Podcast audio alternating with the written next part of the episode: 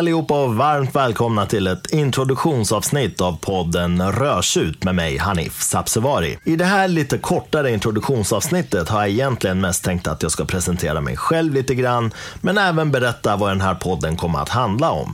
I det första avsnittet kommer jag också att ge en kortare introduktion innan jag kommer till själva ämnet för det programmet. Men jag tänkte att det kan vara lite kul att höra vem jag är och varför jag har valt att starta den här podden. Om vi börjar med vem jag är så är jag en tvåbarnspappa och lever ihop med en kvinna som absolut inte dricker någon alkohol överhuvudtaget. Så även om jag börjar närma mig de 40 och det här kan ses som ett första tecken på en 40-årskris så har det egentligen att göra med att jag behöver få utlopp för det här intresset. Jag tänkte ungefär så att om jag inte kan prata med någon annan om det här så måste jag ju kunna sitta och prata med mig själv. Uh, okej. Och om jag ändå ska sitta och prata så kan jag ju lika gärna spela in det. Jaha. Ja. Och om jag ändå ska spela in det så kan jag ju lika gärna passa på att släppa det så att fler får höra vad jag tycker och tänker. Ja, ja. Oh, jag måste nog fundera lite över det här. Nej, nej, nej, nej, nej. Inget att fundera över. Det är inte sån jag är som person. Det är bara gasen i botten och så kör vi. Okej, men vem är du nu då? Är du bara en eh, tvåbarnspappa som lever ihop med en nykterist? Ja, det är inte så bara kan jag säga. Livet är en härlig karusell och det blir aldrig tråkigt med två knoddar som förgyller ens vardag. Men om ni vill ha lite mer CV-information så kan jag meddela att jag är uppvuxen i Dalarna, flyttade sen till Uppsala där jag utbildade mig i många år och doktorerade i litteraturvetenskap. Och ungefär dagen efter min disputation så bestämde jag mig för att jag ska satsa helhjärtat på musik. Så från ett antal år tillbaka så lever jag professionellt på att skriva och producera musik till artister runt om i hela världen. Jaha, gud vad spännande. Men vad har det här med vin att göra? Borde du inte bara starta en podd om musik istället då? Ja, det kanske kommer det också. Man vet aldrig. Men min stora besatthet utöver mitt jobb är just rödvin.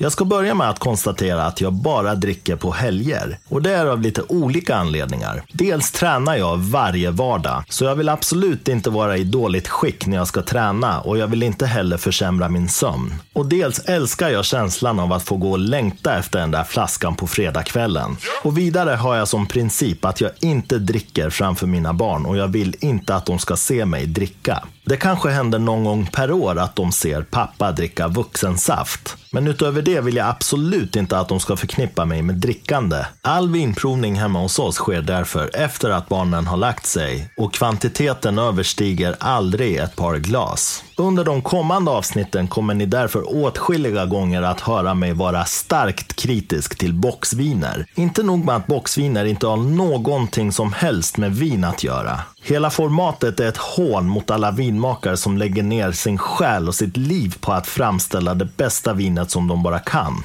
Om man dricker boxviner kan man lika gärna dricka vad som helst, för då prioriterar man kvantitet framför kvalitet. För om det är ordentligt vin man är ute efter bör man dricka det med vördnad och stor respekt för både själva processen och för alla vinmakare som sliter dag ut och dag in för att framställa det. Särskilt under rådande omständigheter med coronapandemin går såväl vinmakare som vinimportörer på knäna på grund av den ofantliga ekonomiska pressen. Och i det ljuset känns det ännu mer hånfullt att vissa väljer att dricka boxviner istället för att visa sitt stöd för alla seriösa vinmakare.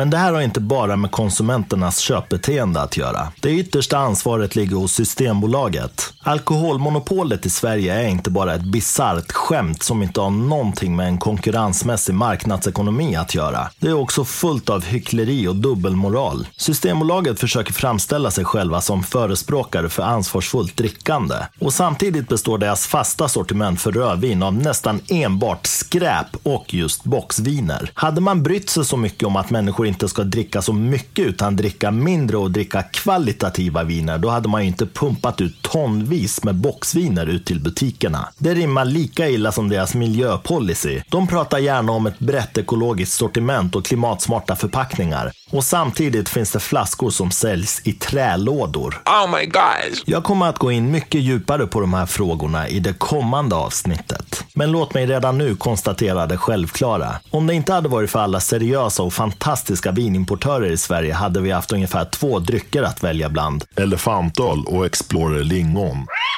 Men var det inte meningen att det här avsnittet skulle vara en introduktion av dig själv och podden? Jo, absolut. Jag ska försöka hålla mig till ämnet.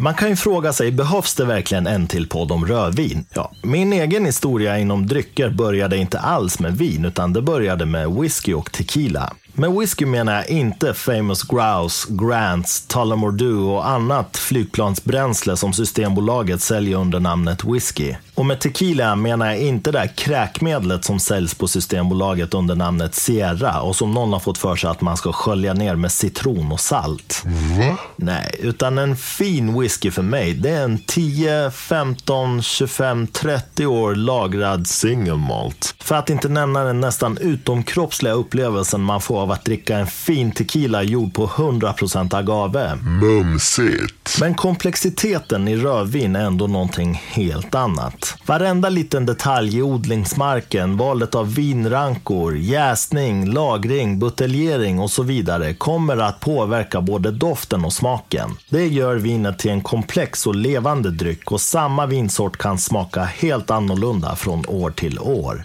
Så överlag kan man säga att det är komplexiteten i drycken som fångade min uppmärksamhet. Det betyder inte att andra drycker inte kan vara komplexa. Men just rödvin har en unik förmåga att vara i ständig rörelse.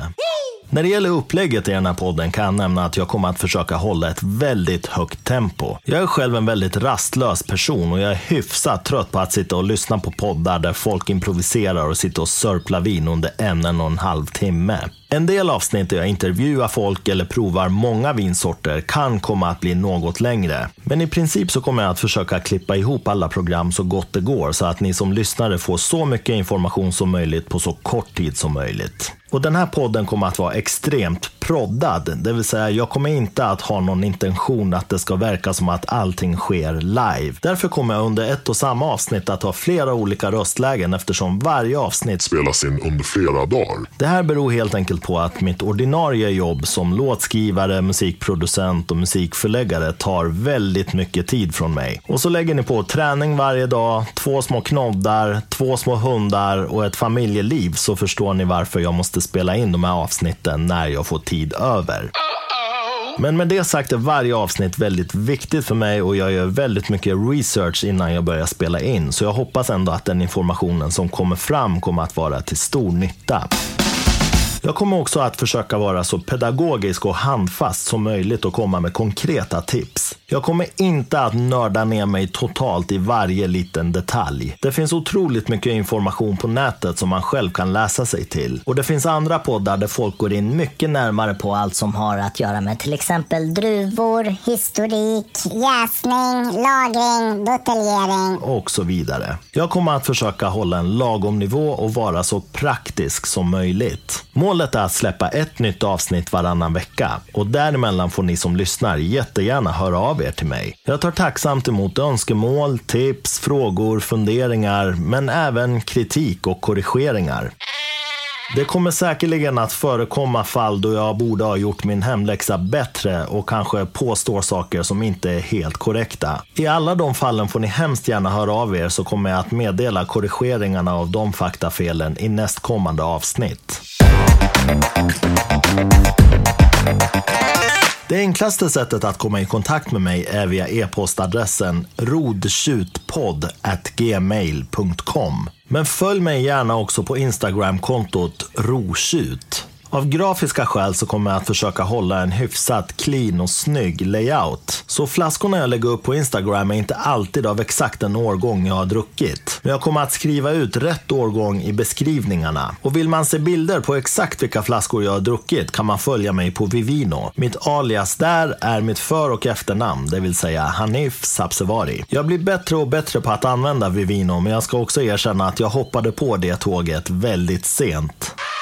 Jag vill också nämna ett par ord om hur jag kommer att prova och recensera viner. Av praktiska skäl är det inte alltid möjligt för mig att spela in mina recensioner när jag sitter och dricker vinet. Och kanske ännu viktigare är att jag gärna vill sova på saken. Det är många gånger jag dricker ett vin som känns på ett visst sätt när jag dricker det, men känns på ett helt annat sätt dagen efter. Och har man druckit ett antal olika viner vid samma tillfälle så är det mycket skönare att i lugn och ro få tänka igenom sina intryck och därmed ge ett mycket mer nyanserat utlåtande.